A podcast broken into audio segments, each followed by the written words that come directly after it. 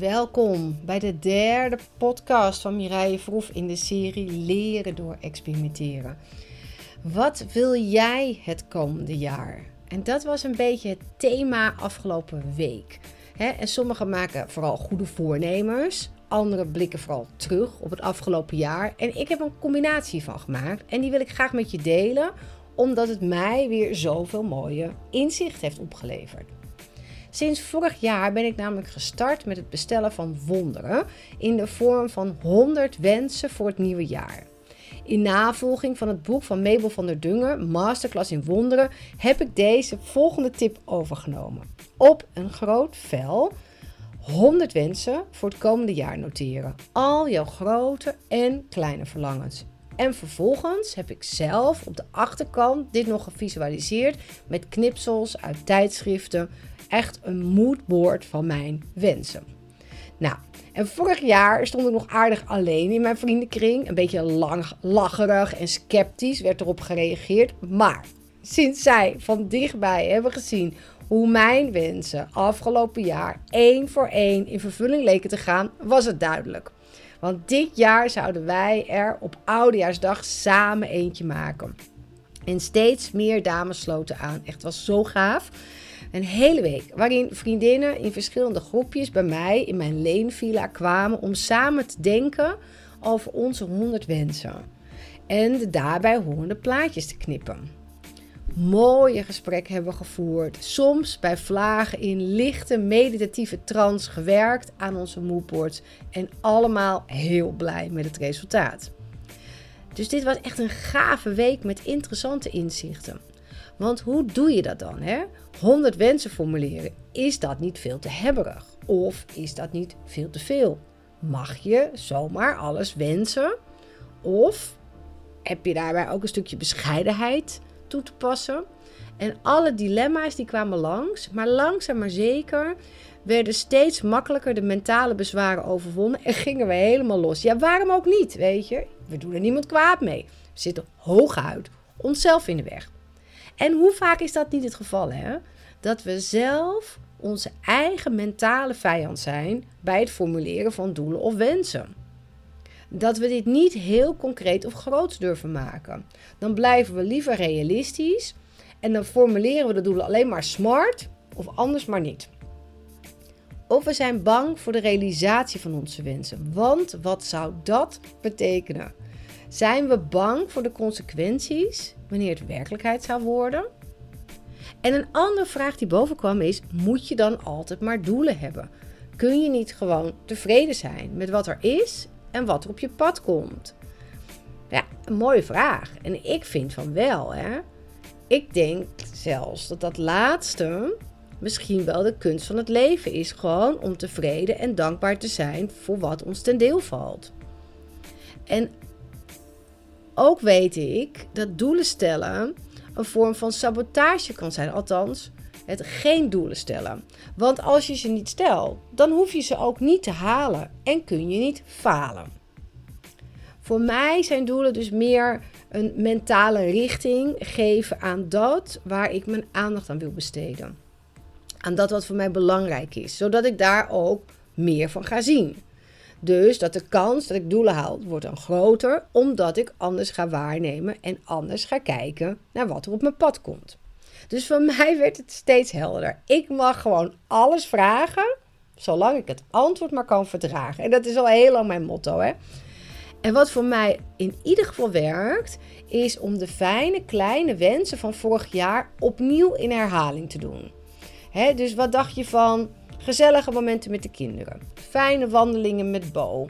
Dat is mijn labradoodle. Leuke avondjes met vriendinnen. Gezellige wijntjes drinken. Dansen onder de sterrenhemel. Genieten van kaarsen en haardvuur. Kamperen in de piepelwagen. Urenlang in een heet, dampend geurend bad liggen. Lekkere lunches. Samen naar de sauna. En ga zo maar door.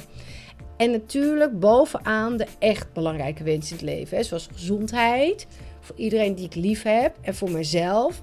In harmonie leven met mijn kinderen, familie en vrienden. Goede nachtrust, een sterk lichaam en pijnvrij zijn. En dit zijn de nog acceptabele wensen die iedereen begrijpt en kan goedkeuren. Maar wat gebeurt er als je echt groots gaat denken en wensen? Dus leven in overvloed.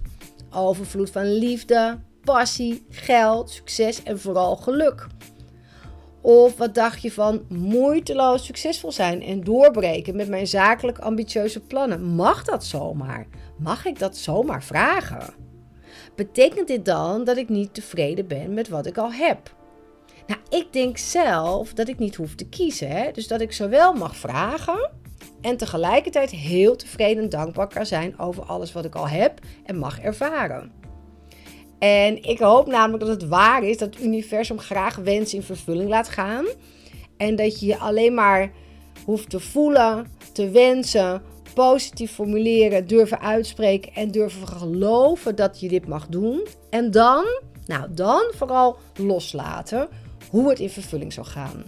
En ook loslaten in welk tijdspad het zal gebeuren. Dus wanneer. Misschien dus wel helemaal niet het komende jaar. Nou, dan schuif ik het toch gewoon door. Zo had ik vorig jaar een plaatje baden in luxe opgeplakt. En in oktober dacht ik eigenlijk al nou dat ik dat niet meer ging krijgen in 2017. En dat ik deze dus zou moeten doorschuiven. Totdat ik ineens een hele luxe leenvilla die te koop staat tot mijn beschikking kreeg. Hoezo niet baden in luxe, hè? Soms komt het in een onverwachte vorm zomaar op je af, mits je het ziet. Waarschijnlijk is dus het belangrijkste dat ik vooral ben gaan zien wanneer een wens van mij ook daadwerkelijk in vervulling ging. Misschien werkt het wel zo, hè? Of komt het uit omdat ik het ineens zie? Want alles wat je aandacht geeft, dat groeit, toch? En misschien is het wel vooral het intunen op de dankbaarheid die volgt op het vervuld raken van de wensen, dat dat ervoor zorgt dat ik er meer van heb gekregen. En zo hoorde ik vorige week tijdens een teamtraining nog zo'n fantastische tip die hierop lijkt. Hè? Namelijk, schrijf al je doelen die je hebt voor het komende jaar op een blaadje, vouw ze op en doe ze in een pot. Vervolgens noteer je gedurende het jaar elke keer wanneer je dankbaar bent voor een fijn moment en deze gebeurtenis doe je ook op een briefje. En die doe je ook in de pot. Ehm, en je geeft beide briefjes verschillende kleuren. Hè? Dus de, wat je, de doelen die schrijf je bijvoorbeeld op een geel briefje en de andere op een roze briefje. En aan het eind van het jaar haal je die pot leeg en haal je al die mooie momenten terug. Nou, dan weet je in ieder geval zeker dat jij het nieuwe jaar in een goede stemming start. Nou, ik wilde deze dus ook uitproberen. Hè? Dus ik besloot roze te vangen door geel, zonnig momenten. En gelukkig vonden mijn kinderen dat ook een hele gezellige zondagmiddagbesteding. En daarmee werd gelijk al een van mijn belangrijkste doelen ingevuld. Hè? Namelijk fijne momenten met de kinderen en hun aanhang. Nou, dus ik voelde me echt zo'n boffer, dus ik kon gelijk al een geel briefje toevoegen. Nou, ik denk dus dat ik echt een hele grote pot nodig heb voor alle gele briefjes. Wat denk jij? Oh ja, en dan nog een extra tip van mijn dochter. Want zij was zo slim om maar één briefje in te doen met de wens. Ik wens dat alle wensen uitkomen. Wauw. Nou, dit was mijn derde podcast. Wat wil jij het komende jaar? Um, ik schrijf geregeld inspiratieblogs en die spreek ik nu voor je in. En dat is deze reeks van podcast. Wil je ze nalezen? Ga dan gewoon naar mijn website www.trainingslab.nl. Wil je meer over mij weten? Zoek me dan op www.mireilleverhoef.nl of kijk op een van de profielen van de social media. Mocht je een vraag hebben, laat het me weten. Ik um, kom er zeker op terug. Stuur me een berichtje, uh, een mailtje. En nou, dan zeg ik wie weet. Tot ziens. Ik wens in ieder geval dat al jouw wensen uitkomen. Dit was de derde podcast. Wat wil jij het komende jaar?